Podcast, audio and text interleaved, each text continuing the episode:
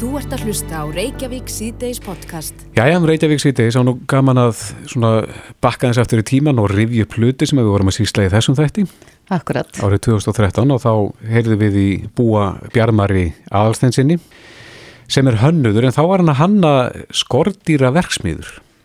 Já, mér finnst bara þetta orð áhugavert en jáfnframt frekar svona óknveikjandi að einhver sé að framlega skortir Já, en það var nú í þeim tilgangi að, að leggja sér þau til munns, já, ekki svo? að borða þau. Já, En uh, búi Bjarmar er á línunni, kom til sæl. Sæl, Hvað, hvað gerðist á þessum tíma? Var það eitthvað úr þessari verksmiðu?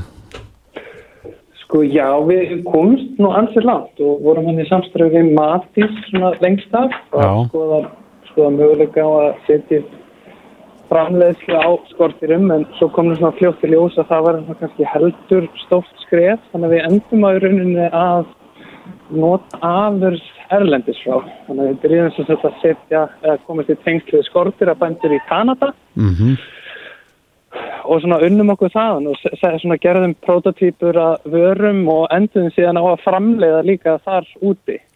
Já, já, hvernig, hvernig vörur kom út úr þessu? Sko endingu var þetta svona orkustykki eða svona eins og snikkars eða eitthvað mm Mhm. -hmm. maður fólk að japlað á prótinni úr skortinum. Já, hvernig skordýru þá? Er þetta flugur eða ormar eða? Sko í tilrunafellinu vorum við að nota lirfur Já, svo þegar við fórum að tala við fólk þá fannst þeim það eitthvað óleistugt. hvað er þetta að segja? þú lígur. Þannig að á endanum þá notuðum við þess eru hérna frændur já. Og, og það var listur að mati e, þeirra sem að voru að borða stikkin. Já, ég held að það er svona, þú veist, erum alltaf svona fullvaksin dýr og það er svona lengri arleið af nýtingu skortýra og Mm engisbrettin og krippunar í matræslu og svona þekkist viðsvegar bæði í Asíu og Söður Ameríku. Mm Eru það stökkar undir tönn? Uh, ef þú grillaðir, Já, en ef þú setja það í pottin, þá er það mjúkar. það verðaði mjúkar. Já, en já. búið, segðu mér, nú, nú er ég ekki mjög fróð um, um sko, já, gagsemi þessa að borða skortýr. Er, það, er þetta góður prótíngjafi eða er eitthvað annað við skortýrin sem að, já, gera þau þannig að maður vilji borða þau? Sko, góð spurning. Kanski fyrst og fremst snýst þetta um nýtingu á sem sagt, fóðri og vatni. Þannig að sem sagt, skordýr eru rosalega flinki að nota vatnið vel og samanleiti þá breytist mikið af fóðrinu sem það geta í prótein. Ólíkt til dæmis lambinu og, og nautinu sem að þurfa svo leiðis að hakka í sig til þess að fá, maður fá kótilettur. Sko. Mhm. Er þá umhverju sjóna með þarna baki? Það var svona fyrst og fremst sem að var að baki var um, umhverju sjónamið já, já. og sömur leiðis þá er það pláss að það þarf náttúrulega óheirilegt pláss undir þessar kindur. Ég meina við erum náttúrulega að setja meira og minna alla landsbyðina undir framleiðsla á kindakjöti. Þannig að það er svona líka tækifæri í því að minka eins plassi sem við erum að nota í mataframleiðsluna. já, já.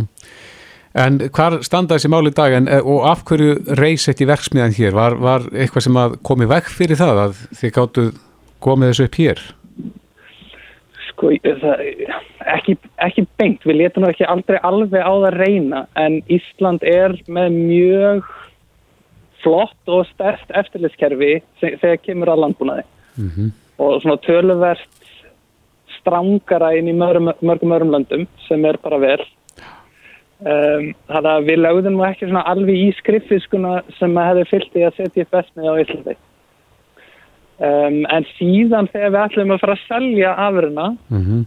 þá var sett uh, innleit reglugerð hérna á Íslandi sem að komi veg fyrir við gætum selt. Já, þannig að þetta komst aldrei í, í sölu hér á Íslandi.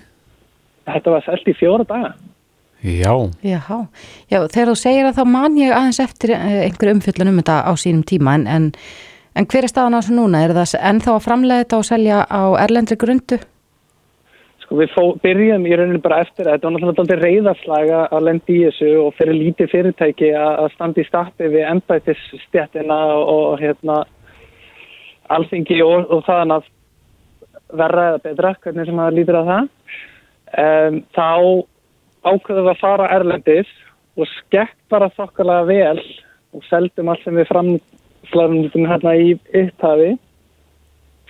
Síðan var bara staðan þannig að við hefðum annarkvæmst þurfti að flytja erlendis til að fylgja þessu eftir og vorum svona engin á okkur í stöðu til að gera það á þeim tíma. Þannig að þá bara svona ákveðum við að leggja árar í bát og segja þetta gott. Já, þannig að draumurinn um sölu og rektun á skortirum til áti á Íslandi, hann sá draumur er búinn. Það er nú ekki alveg þannig. Um, Evrópusambandi varum þess að leggja núna upp með að við ættum að fara að nýta fjölbreyttari orkugjafa í mataframlýslu. Þannig ég held að hafa nú bara verið núna í lók 2019 sem að var, sem sagt, fór í gegn svona stór tillaga um að nýta meira svona nýja orkugjafa í, í matin eða nýja, nýja matarafurur og þar á meðal voru skortir. já, já. Og allir þið þá að dusta reikið af hugmyndinni? Nei. Það er full reynd. Nei, ég segi ekki að það sé full reynd en, en við erum svona náttúrulega komin í annað og, og ég held, held aldrei lengi áfram í svona þessum matvælageira og koma svona upp, eða þróunaverkefni við tengslu við íslenska grammetisrækt Mm og en ég held að það sé kannski náttúrulega flókið eins og sta- staðan er á Íslandi. En ég meina það eru mörg tækifærið að setja upp skortiraframðislu eða ræktun á Íslandi. Já, svo sérstaklega í svona öryggistengdum sjónamöðum þar sem ef ykkur skor, eða, sem sagt, ef að kryppur eða yngisbrettur slepp upp- sleppa út í mið-Evrópu þá er það náttúrulega bara ræðilegt en ég meina þær myndir rétt svo lifa af þess að þrjá daga í júli sem að hittum fyrir yfir 20 gráðnar á Íslandi já, einmitt. Já, þetta er aðteglisvert.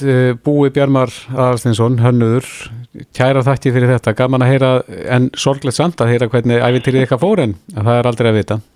Já, aldrei að vita Kæra það- Kannski er einhver hérna, heitur hlustandi úti sem er, vil ólmur komast í skortirrækt Já. þá bara endilega hafa samband sem er komið með vatn í munnin. Já, Akkurat, takk fyrir þetta. já, takk fyrir Bless, bless. að Þú ert að hlusta á Reykjavík síðdeis podcast. Reykjavík síðdeis á bylginni. Við heyrðum af þessum samstöðu mótmælum á Östurvelli í gær. Þar voru saman komin að okkur skilst tæplega 3000 manns. Já, samkvæmt lauruglustjóranum á höfuborgarsæðinu sem var í fréttum í gæra þá telur lauruglan að um 3000 manns hefur verið á svæðinu Mm og það hefur nú reynda verið bent á og var bent á í, í kommentarkerfinu undir fréttinni á vísi.is að þarna hefði hugsanlega verið um brot á samkomiðbanni að ræða. Já, það er vist ennþá í gildi 200 manna samkomban og, og allavega ef maður, ef maður lítur á myndirnar af, af þessum atbyrði að þá virðist vera sem að þetta sé brot á samkombanni. Mm Hvað segir yfir lauruglu þjóttin hjá ríkistörglustjóra Víður Einarsson sæl? Já, komið sæl. Hvernig lítur þú þennan atbyrð? Já, þetta er náttúrulega snúið. Það er ljóst að, að hérna, skipalegjendur þessa viðbúrar, þeir lögða stað með það að hérna kem ekki fleiri en 200 og, og samskipti þeirra við lögregluna voru á, á þeim nótunum og, og, og hérna lögregluna auðvitað fagnaði því að, að þarna verið að skipalegja í góðu samstarfi. Mm Nú síðan gerist það að það koma náttúrulega miklu fleiri og eh, erfitt að grípa til, til einhverja aðgerða til að stoppa það en skipulega getur reyndið svo þeir gátu að byrja fólk að dreifa vel úr sér og hafa gott bil á milli en, en það er ljóst að, að þarna voru fleiri en 200 og, og, og það er alveg ekki svona í samræmi við það er sóttanar ástæðinu sem að í gildi eru -hmm. og við horfum fyrst á fremst á þetta sem tækifæri til, til að sér læra og, og hérna nú þurfum við aðeins að herða svona okkar okkar uh, aðferðu til að vera að vinna svona í samvinni við, við okkur að, að, að uh, þeir sem er að skipilegja slíkt að þeir hafi möguleika á því að, að, að stýra aðgangi eða skipta fólk upp í, upp í hólf og hópa sem, að, sem falla að þeim reglum og leiðbynningu sem er í gildi. Akkurat. Ég held að, held að við förum ekki að hafa henni eftirmála þessum atbyrðu annan en þannig, að við ætlum að læra, læra all á honum og, og gera betur. Já, munið koma til með að gefa út einhverjar eh, frekari leiðbenningar eða snýst þetta bara um meira samstarfa milli aðila? Já, við erum sko, það eru til búið að gefa út leiðbyrningar um til dæmis eins og fyrir skipulega íþrótastarfsemi þar sem að eins og fótboltin er með núna geta skipt stúkonum upp í hólf og það er konar ákvæmna leiðbyrningar um það hvað þarf til þess að það teljist teljist samkvæmt, samkvæmt það reglur sem er í gildi þannig að, að það er heilmikið hægt að að nýta þeim gögnum sem til eru við, við skiplarningu á, á viðbörðum Mm -hmm. en, en það má ekki gleyma því að þetta snýst, náttúrulega- þetta snýst um, um sóttvarnir og, og komið vekk fyrir að, að verði hópsmitt og maður þurfa að hafa það í huga og, og, og eins og segi við við gerum þetta mistök og við lærum að þeim og, það ætlum að gera í þetta skipti Já, svona séð með sóttvarna gleriðunum, svona 3000 manna fundur eins og var þarna í, í gær, Hva, hvaða aflengar getur það haft að ef að svoleiðis fundur fer fram á þessum tímapunkti?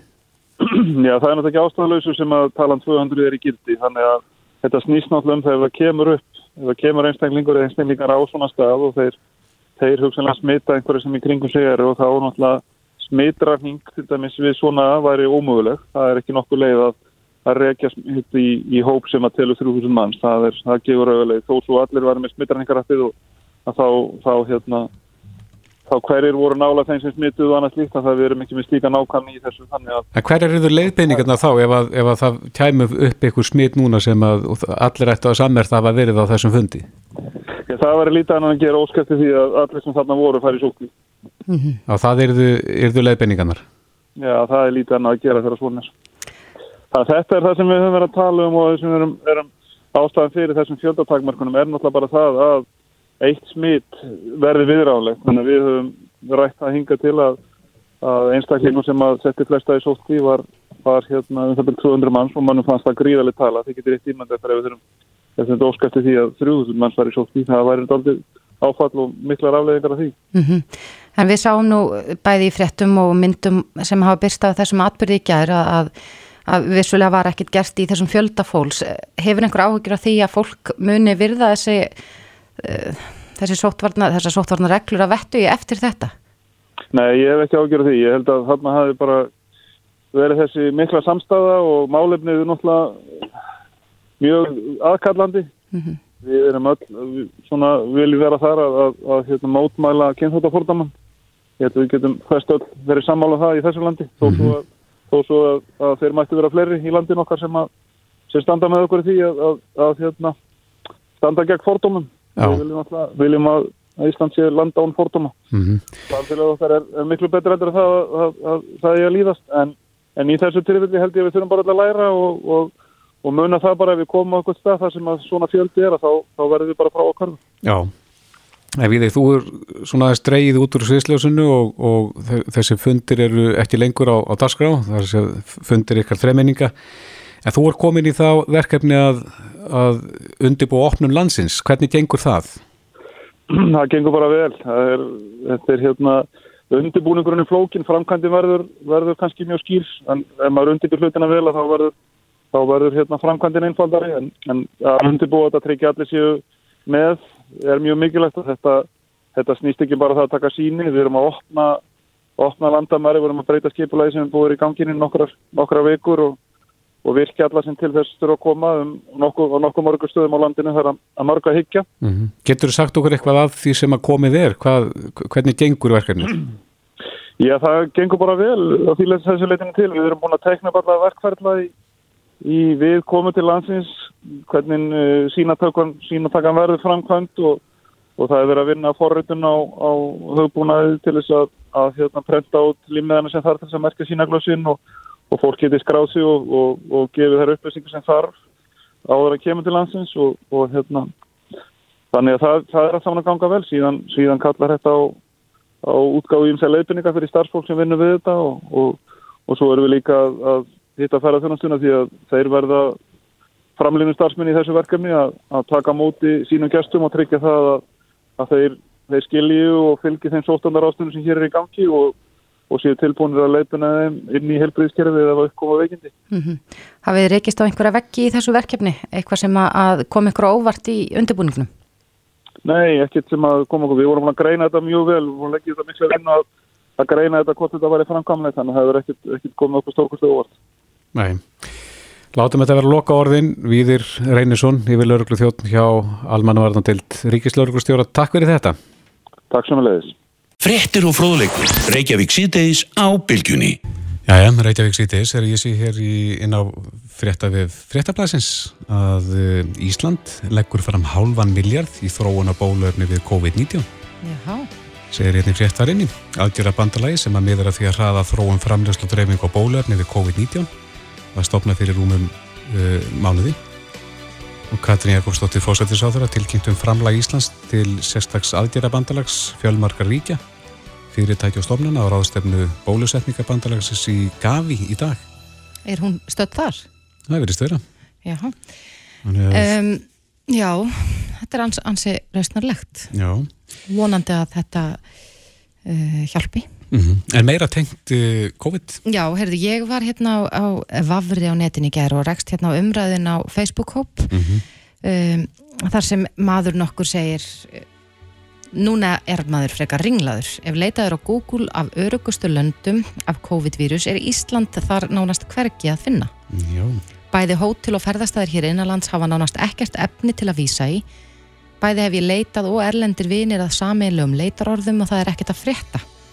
Og hann er verið að segja að, að við séum að missa á lestinni svolítið hva- hvað markasetningu varðar á erlendri grundu. Mm En það er spurning hvort að það sé rétt. Hér á línunni erum við með Daða Guðjónsson, hann er fagstjóri neytenda markasetningar hjá Íslandsstofu. Komdu sældaði. Komið sælubæsið. Hvað segir, erum við að missa á lestinni? Nei, ég myndi nú ekki kannski segja það og, og ég svo sem vi- veit ekki alveg hvert hann er að vísa í þarna í sinni leitarvel en, en og það getur náttúrulega líka háð hverjum að einum sá sem er að leita netinu en við vorum að hins vegar að framkoma nýja könnun á eitthvað svona kjarnamarkasvæðum sem er þá Breitland, Þískland og Bandaríkin og þar kemur bersynlega ljós að það er ekki mikið traust gagvart Íslandi sem áfangastað og sem landi að, að uh, berjast gegn COVID-19 og, og því sem er svona búið að, að koma líka fram í fréttum og Íslandi skapa sér heims aðtekli -hmm. fyrir árangrunum og þarna það má nú kannski líka geta þess að bara frá því í lok februar og miðja mæ var búið að byrta um 50.000 fréttir í erlendum miðlum uh, um árangur Íslands í tengslu við COVID og við sjáum það bersinlega líka þá bara í könnunni að það er að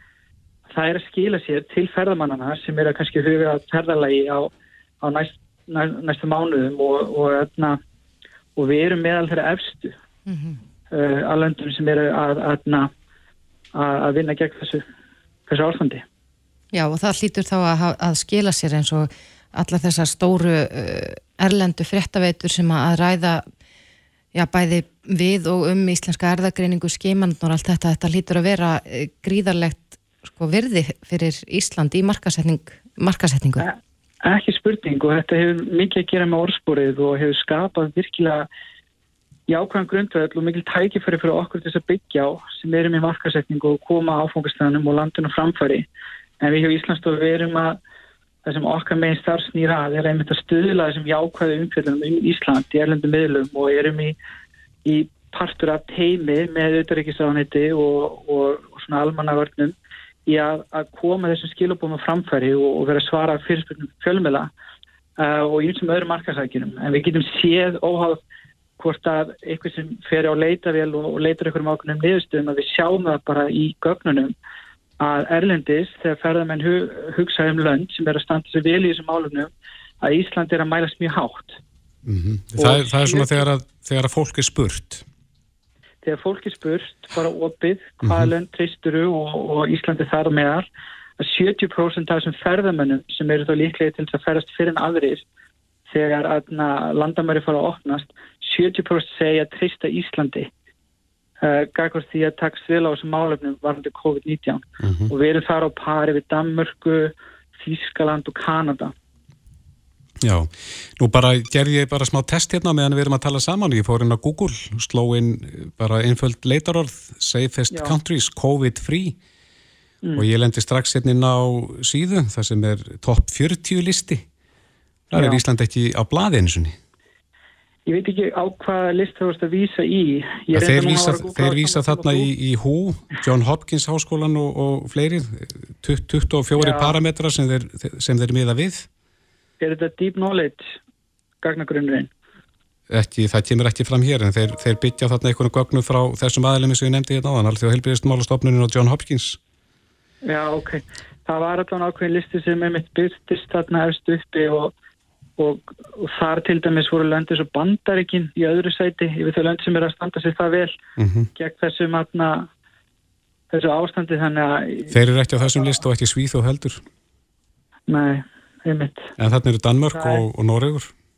Já, það er, maður þarf bara átt að segja á einmitt, bara hvaðan, hvaðan listin er fengin og hver gögnin eru. Þetta er samt líka vandamál með, na, ekki beint vandamál, en kannski áskorun að Ísland og smæði landsins að við erum oft, fáum ekki að vera með á þessum listum að því að uh, til dæmis vergalansframlist en ekki nú að há til þess að við taki okkur inn á svona lista og, og það er bara frábært að fá þessar ábendingar til þess að geta unni með það áfram. En gagvart vitund ferðamanna hvort við séum að þessum lista sem við vísar ég ekki að ég get sagt það allan að við erum að mæla mjög hátt gagvart trösti og, er orðspori En aðeins að þessari fæslu sem að Þórði svísaði í hérna áðan að, að þegar hann slæri inn að þá er ekkert efni. Þar er að þurfa stjórnvöld hér að vera dögleri að, að skrifa greinar sem að poppa upp þegar að þetta er slegið inn í leitarvílar Já, Þar, þarf ekki að vera frambóð á efni um, um málið?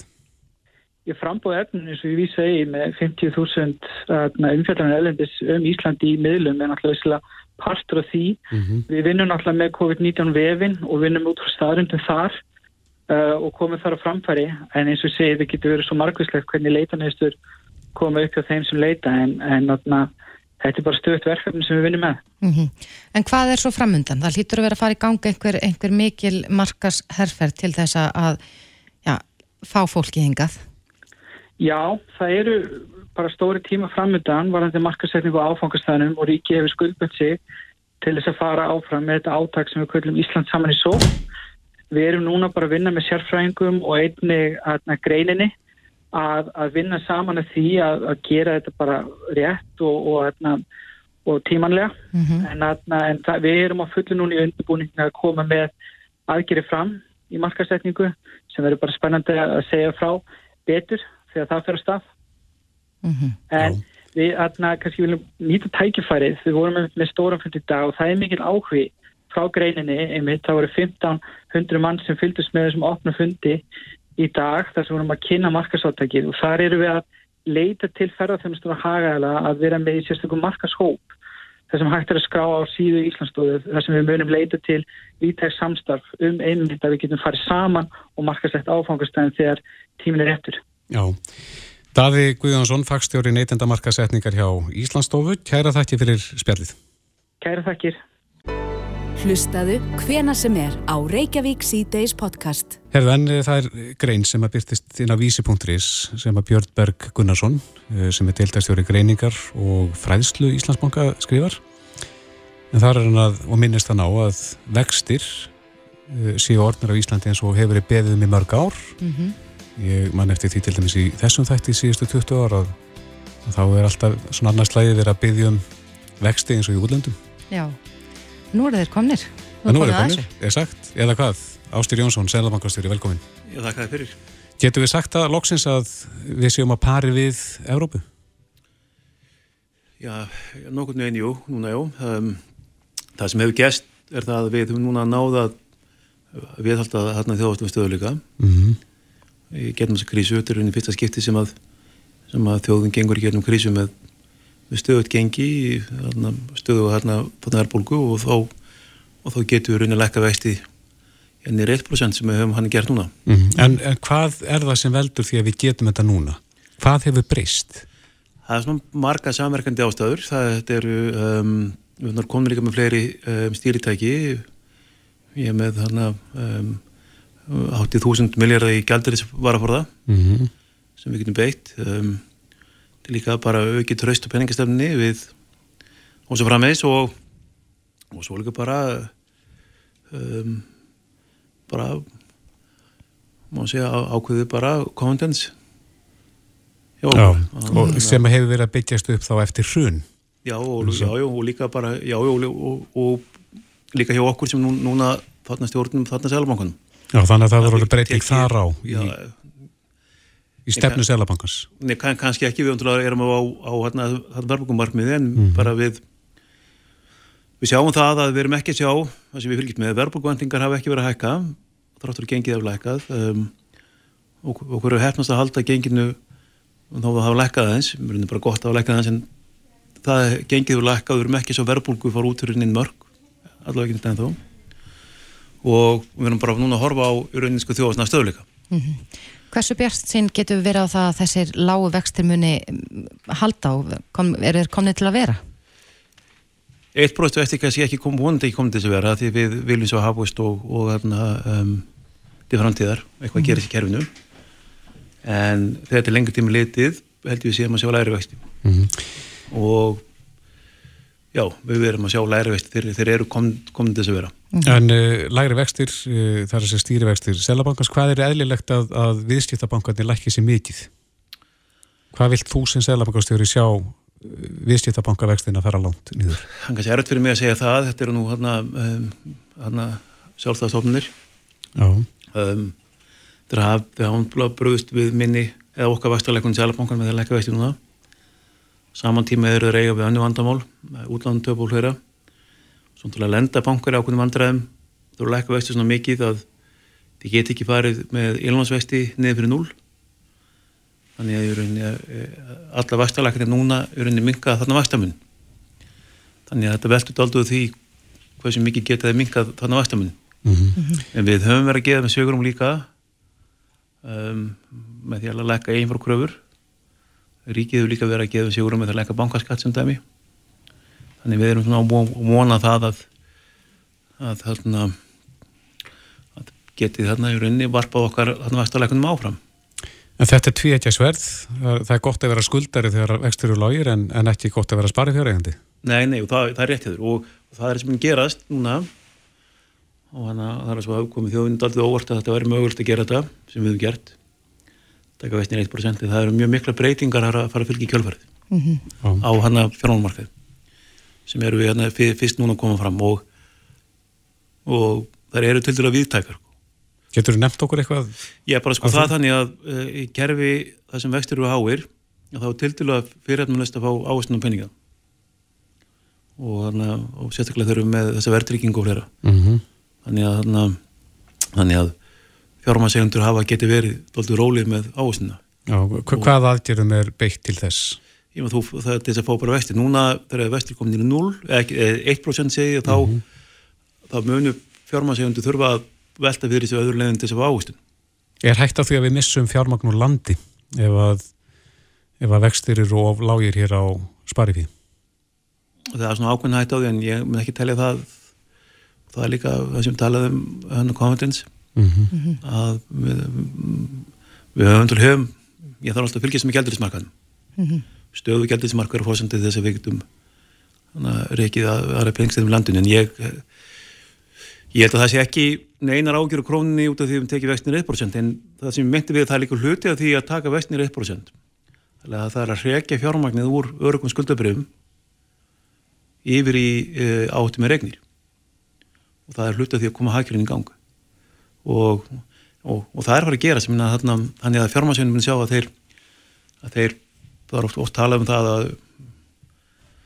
að þetta, þetta var að örfa einhver litur hlutabrif, hlutabrif sem þú sett og hlutabrif séu henni hinn nýju hérna, skuldabrif fyrirtæki sem borga arð svo frammeins og hérna og svo frammeins þetta er hafa, þetta minn hafa áhrif á fastamarkan og fleira og, og, og það er líka áallin við, við, við viljum örfa hagkerfið á, á, á þessum tíma. En þetta er að hafa, þetta minn hafa alltaf djúbstæð áhrif á hérna sko efnaðislífið Telur þú að, að, að, telur líklegt að það verði enn frekari lækkanir á stýrvöxtum?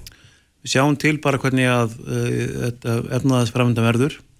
Ef hún vestnar þá getur það alveg gerst það er á hreinu, við getum lækka vexti en það meira, við erum líka með aðra aðgjör og það er líka það er kannski líka þarna svo breyning sem er átt í stað um, sem kannski almenningur er ekki átt að sjá að, að við erum konið með mun fleiri stýritæki heldur við vorum áður með. Og núna erum farin að beita Eins og hvað? eins og það að kaupa ríksuldabrif Mhm.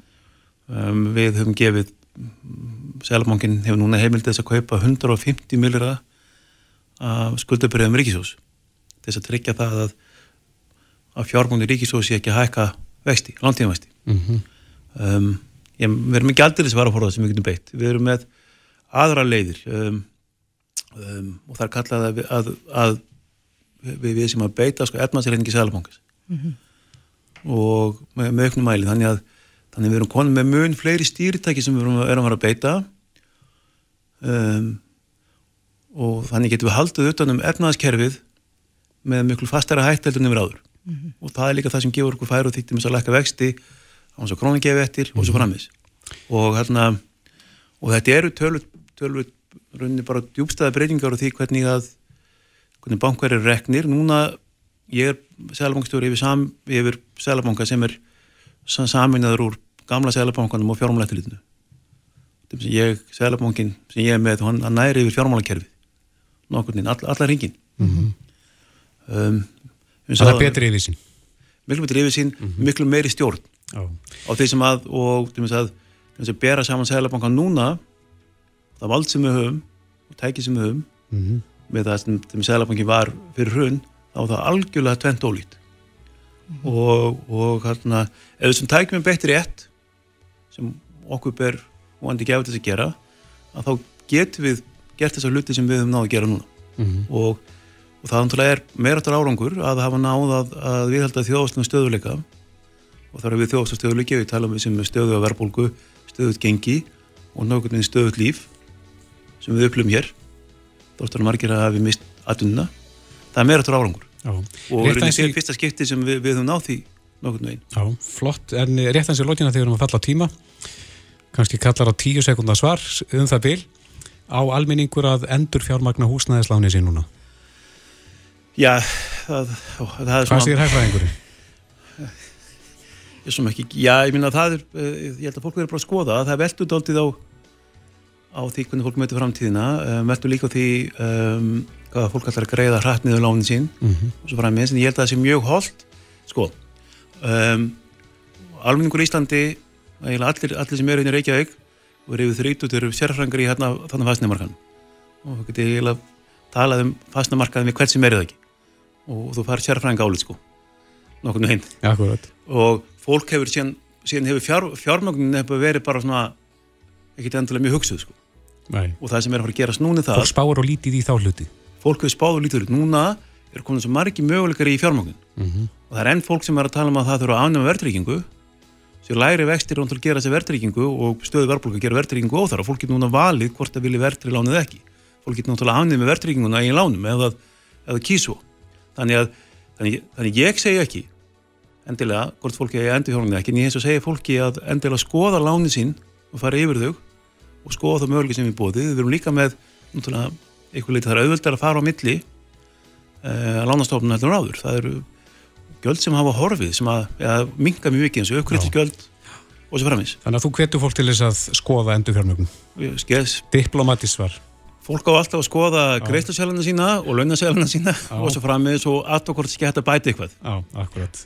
Ástir Jónsson, Selabankastjóri, kæra þætti fyrir komuna. Takk að þér Reykjavík síðdeis á bylgjunni. Já, Reykjavík síðdeis það hafa verið mikil framfara spór stígin hér á undanföllum árum í helbriðismálum Já, það er nú hvað, komið tæpir átjón mánuður eða svo síðan að jáendarskannin var opnaður eða t- tekin formulega til nótkunnar á landsbítalunum. Já, það verður að teljast stórt framfara skrif en það var Kári Stefansson og hans fólk í Decode sem að gáfu þjóðinni þennan skanna. Mm en áður var verið að senda fólk út til Danmerkur í svona tæki Mhm. en það er spurning hver reynslan hefur verið á þessu rúma ári Pétur Hannesson, yfirleikni röntgendildar eh, landsbítalans er á línunni, kom til sæl Já, blessuð. Já, hver hefur reynslan verið á þessum tíma frá því að skanni var tekin í nótkun? Já, reyndan hefur bara verið mjög góð. Já, Hann hefur nýst eins og til að rætlast. Starfsemin er mjög stöðu og góð og, og við höfum rannsakað eh, náttúrulega mikið fjöldasjúklingar sem annars hefur farið erlendist í rannsókna. Þannig að þetta hefur breytt miklu í meðferð fjöldasjúklinga. er, er, veistu hvað, hversu margir hafa uh, sloppið við það að fara út? Ég er nú ekki með tölunar akkurat á taktinu núna en allir við höfum ekki gert brúti 400 rannsóknir á síðustlunum 6 mánuðum og þetta fólk hefði alltaf átt að fara erlendis í rannsóknir en uh, það er náttúrulega kannski sumir þeirra hefði ekki átt möguleika á því vegna helsu sinnar tímaskort eða slíkt áður en með fyrir hæfist þannig að ég veit nú ekki hversu margir hefði farið út en þetta er það sem við hengi að gera og hafi- hefur verið ástæða til að framkvæma. Hafið þið heyrt frá ykkar sjúklingum já, svona góð viðhorf gagvart því að geta eh, gert þetta hérna heima? Já, já, það er náttúrulega bara svo augljós ávinningur af því að það geta farið í rannsók hér á landsbytalanum í staðis að fara veikur út til uh, Kaupanhafnar eins og var. Mm En er þið kannski að, er skannin að nýtast fleirum, jafnvel fólki sem að hefði ekki kannski átt kostaði að fara út? Já, það eru náttúrulega um, kannski víðar ábendingar þegar að uh, nálaðin er meiri, en Já. uh, það er samt farið eftir ströngum klínisku leiðbendingum varðandi þá hverjir fara í rannsóknir á honum. Já, Þannig að það er svona nokkuð stíft aldrei utan um það, þannig að þessi réttar ábendingar, þetta er náttúrulega mikil rannsókn. já. En e, má segja að, að þessi skanni sé að, að bjarga mannslífum? Það er alveg öruglega, alveg öruglega. Já, Eru þið Þetta með, er bara breytt inn almennu læknisjónustu hvað var það fyrst og fremst uh, krabbaminn á landinu. Og hefur eitthvað verið tekið saman, um, já, hversu mikið hefur sparast fyrir, uh, já, í pe í peningum talið, krónum talið, hversu mikið hefur sparast á því að hafa skannan hér á landi í stað þess að senda Íslandinga út til Danmerkur? Nei, það hefur nú ekki verið farið ofan í hægrænu hliðin á þessu, en það frekar erfitt. Uh, mesti peningalegi ávinningurinn fælst líka í læknisfræðilega ávinningum. Þannig að uh, ef að þú framkvæmir rétt aðgerð eða gefur rétt að meðferð sem annars hefði ekki orðið, þar líka stóru peningarnir en ekki farseðlum eða slíku. Æ, akkurat. Og er hann í nótkun, lokar hann eitthvað svona yfir, yfir árið? Já, þetta er nú frekar tungu starfsemi og hann lokar viku viku þegar þar viðhalda slíta þessu mikla tækjabúnaði en annars er hann nú kerður jæmt og þétt. Já, Um, Það er nú fáliða starfsfólk sem þarf að fara í sumarleifi þannig að ég gerir ráð fyrir að hún er lokað einu eða tvær vikur í sumar til þess að það komist í sumarleifi en um, eðlir ansvörnuna er nú yfirleitt þannig að það kemur ekki að sög. Nei. Er þessi jáendaskanni sá fyrsti svona tegundar hér á landi eða hafa engaðilar verið að nýta svona skanna áður? Nei, þetta er fyrstu og eini skannin hér á landi en það er skannin í sjálfur sér sjálfur minnsti hluti starfseminar. Stærsti hluti starfseminar er framleysla geislavirk spórefni sem er notað við rannsóknina. og gengur það vel? þar er- Já, það gengur mjög vel uh, og uh, við horfum til þess að taka í notkunni í spórefni með haustinni. Það er framþróin í þessu eins og öðru og með haustinni þá uh, ráðgerum við að hefja rannsóknir með nýju spórefni fyrir blöðrálskrabbamenn. Já, já. Sem er ekki til í dag eða? Nei, það er ekki til í dag. Já, þannig að það verður vantilega þá bylting? Já, það verður það fyrir hópsjúklingar sem eru með þann sjúkdóm, já. Já, akkurat. En e, þetta var náttúrulega mikið framfara spór að fá þennan e, jáenda skanna en er, er eitthvað annað sem að vantar? Hva- Hvað er á draumalistanum hjá okkur? Já, tækjalega er uh, landsbytarinn ekki illa settur uh, eins og er sem betur fyrir því að það harnar nú á talnum akkurat núna. Já, Uh, það sem að vantar er, er fólk, vantar röngilækna fyrst og fremst.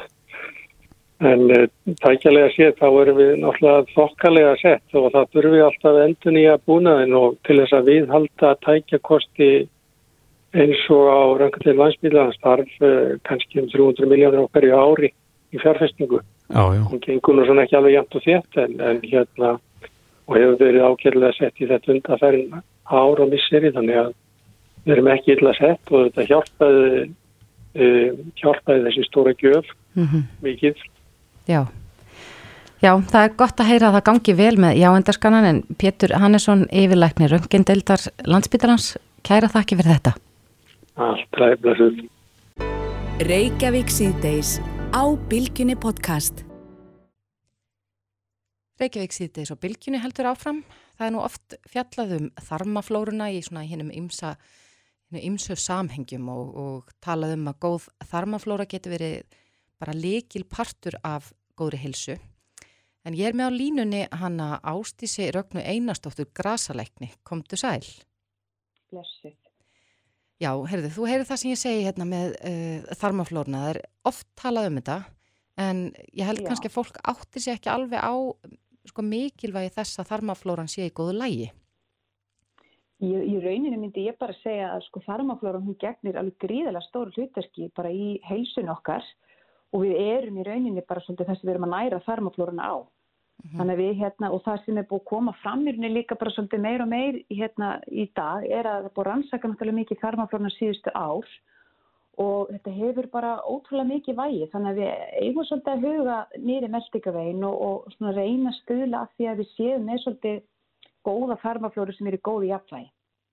Hvað er það helst sem að, að maður getur gert svona til þess að já, reyna að stuðla að góðri helsu þar, Í þarmaflórunni þar segja? Já, ég myndi segja svona fyrst og fremst auðvitað bara að borða hotlan og góðan og hreinan mat, þú veist sem mest lítinn unnin mat og svona sem næst náttúrunni, byrja svolítið á því allavega, en að hérna því að bara auka efnin og eins og gerfisætu efni og, og fleiri kemisk efni þau raska flórunni. Og svo auðvitað það sem er svolítið ábótafant sem ég finnst svona ríkjandi á fólki að það er, þú veist, margir haldaði sig að borða nægilega mikið grammiti en það vantar alltaf enda svolítið upp á hjá fólki í því og grammitið og fæða úr justaríkinu er mjög træverík og það er akkurat fæðan sem við eigum að nota til að byggja þarmflóruna. Til þess að viðhalda og næra þess að stopna af, af góðu bakteríunum sem við viljum hafa í meldingaveginum okkar. Þannig að, að hérna, trefjar eru svolítið svona, svolítið svona glemt en það er alveg svona líkil atrið sem við þurfum að nota og ef ég kannski gefi dæmi þú veist þá til dæmis er þetta að nota líka ef maður vil svona bústa flóruna svolítið vel upp að þá getur til dæmis nota gerja grammiti eða súrkál og nú fæst orðið bara mjög mikið úrval af því bara frá íslensku framlegandi sem bara frábært. Og það er auðvitað bara, er bara grammiti sem er búið að hérna, fara í gegnum ákveðin svona prósess. Og, og við það ferli þá bara magnast uppbyrjunu góðgerla flóran í, í, hérna, í grammitinu. Og þannig að það er að nota það bara sem meðlæti með mat eða út á ekkjarhæruna hjá sér eða bara svona, svona aukalega á diskum hjá okkur með mm máltíðinni og svo náttúrulega eplaedik, sumir aftur sér ekki að því en bara í einni matskja eplaedik er bara gríðilega mikið magna góðgerlum þannig að við getum gert okkur saladressingar úr eplaediki eða tekið það bara út í volt vatn fyrir máltíðir eða nota það svona aðeins í og með. Mm og svo auðvitað bara svo síðan mjölkuvörur svo abimjölkin okkar hérna sem við vitum auðvitað við fáum, fáum góðgerla úr og, og nýta okkur það og svo er svo husk og, og acacia trefjar og svona, svo er þetta að nota trefjar líka bara aukalega út í, út í eins og berjadrykki eða út í havragrautin en maður vil svona aðeins bæta við aukalega trefjónum. Akkurat. Þannig að þú mælir raun og verið frekar með því þá að þess að fá þessa góðgerla og þess að trefja beint úr mataræðinu heldur en, heldur en kannski svona einhverjum bætefnum. Ég myndi auðvitað að byrja bara alltaf mataræðinu veist, og, og bætefni geta alveg verið svona ágættis heilsubót líka ef að þessi þörf en við höfum alltaf að byrja auðvitað bara á að leiða þetta hjá okkur mataræð og skoða hvað, hvað við getum gert þar og náð inn auðvitað næringun okkur svolítið þar. En sumir þurfa auðvitað stundum að taka þetta bara í, í, í hérna, bætefnaformu og þá eru auðvitað til mjög mikið úrvala góðum góðgerlum og eins og fólk er búið að fara kannski oft á sýklalif eða er að taka inn lif og jafnvel ekki kannski verið heldur á góðu mataræði sem gegnum tíðina grunar kannski að flóran sé ekki alveg lægi og er jafnvel líka með kannski eitthvað meldingarengin eins og uppþembu eða, eða óruglar hægðir eða meldingu og svo framvegist þannig að þá er gott að taka kannski törn í þrjá mánu eða ykkur að vikur, þú veist hva, hvaða þarf af góðgjörnum í, í svona bætiefniformi. Akkurat. En segðu mér, hver eru svona helstu enginni sem fólk ætti að já, finnur mögulega fyrir eða maður ætti kannski að veita aðtekli sem benda til þessa að magaflóran sé ekki upp á sitt besta? það eru auðvitað bara svona meldika trublanir og svolítið svona bara þetta í rauninni bara, þú veist, eins og þessi uppþemba og loft og ég er bara svona lykt af, af hérna lofti og því sem kemur frá okkur og, og eins líka bara óreglulegar hæðir, þú veist, ef það er kannski aðra áttina linarhæðir og kannski á vikstri tregarhæðir og, og við séum ekki, þú veist, auðvitað eigum við að hafa daglegar formaðar hæðir á hverjum einstu degi. Og, og náttúrulega það er bara að tala um hæðir er bara eins og að drekka vatn fyrir mér, það er náttúrulega bara, það er rosa mikilvægt og hérna, og mitt sagði einn gömul konu einu svona vinni, hún sagði það er tventi skipti máli í lífinu, það er annars að hafa góðan húmor og góðar hæðir. Og ég held því að ég geti verið hjartalega sammálinn í því. Þannig að hérna, en við þurfum allavega svona, þú veist, ef að meldingin er ekki góð og við finnum ykkur einkenni að þá eins og ristikrampar og jafnvel fæðu óþól og, og meiri þess að er við farin að nota veist, eins og hérna hefur að prófa, prófa að nota góðgerla fyrir þessu bara húkvillum og, og hérna þáttarisíkingum, það eru sérstakir gerlar sem gagnast til dæmis þvagrásinni. Mm -hmm. Við erum, með, við erum náttúrulega með flóru allstæðar, um bakteriflóru allstæðar líka, mann er bæðið húðinni og bara út um allt. Og við erum raunverulega mjög, meiri bakterjur heldur en við erum sko frumur, þannig að þetta er, þetta er mjög mikilvægt og, og hérna, þannig að ég myndi segja þú ég myndi að, að huga þessum tætti, það skiptir bara máli svolítið bara fyrir grunn heilsun okkar. Akkurat. En nú hefur, já, fólk hef, eins og ég heyrði í viðtala við þau um dagina að fólk leitar oft til þín þegar það er með svona ímis, ímisa líkamlega kvilla eða annað og þar kom fram að þú hefur verið að greina sko síni, eh, hægðasíni frá fólki. Hvað er það sem þú ert að leita þar?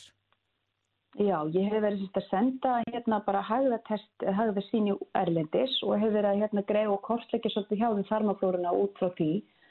Og þá í rauninni þegar maður fær síni tilbaka og skoða niðurstöðunar að þá er í rauninni hægt að sjá að skipnast svolítið inn í meldbyggavegin og skoða í rauninni fjölbyrtileikan í þarmaflórunni hjá einstaklingnum uh -huh. og þarna getur maður í rauninni séð ef að viðkomandi er kannski með of mikið hérna, sérst, ef ákveðni sveppa ákveðni sveppatendur eru búin að fjölga sér eins og Candida albicans sem við erum öll með en hann er kannski ómiklu magnið þannig að maður þarf kannski að vinna með það, það kannski að fara að valda viðkomandi einkennum uh mhm. -huh. og svo náttúrulega eru ákveðna, ákveðna bakterjur sem eru okkur kannski góðar að lifa í samlífi með okkur en svo kannski að það fara og fjölga sér, ná að fjölga sér við ykkur aðstæður að þá verða okkur óvinnveittar og svona patológiskari sem maður segir, þá geta þær farið að valda einkennum þannig að Það er hægt að skoða stundum en maður sjá jafnvel sníkidýr og, og fleira sem að leynist þarna og vírus og baktur og svona. Þannig að þetta, er, þetta getur verið alveg aðglætt að hjálpa hérna til þess að kortleggja og sjá hvernig staðan er og vinna svo markvist svolítið með að byggja flórun á leiðrættana.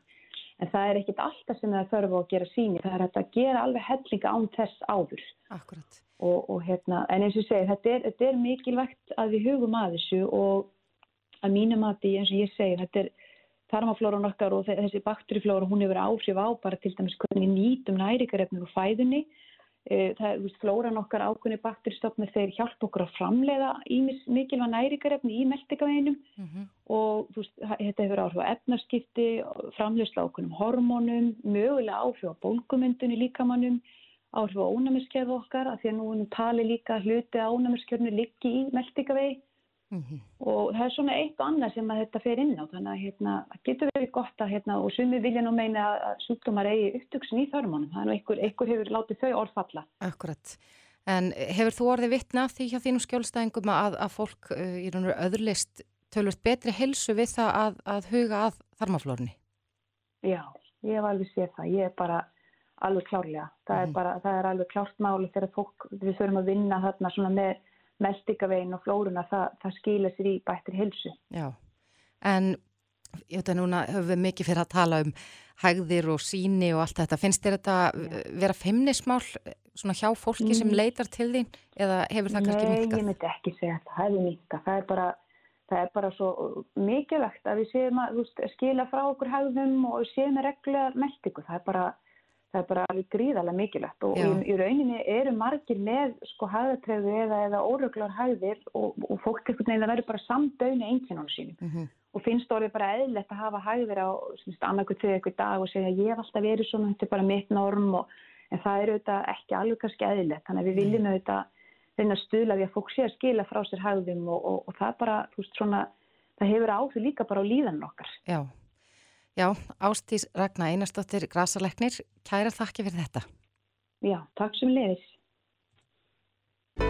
Þetta er Reykjavík C-Days podcast. Reykjavík C-Days á bylkinni. Við ætlum að byrja því að snú okkur aðeins að tækninni.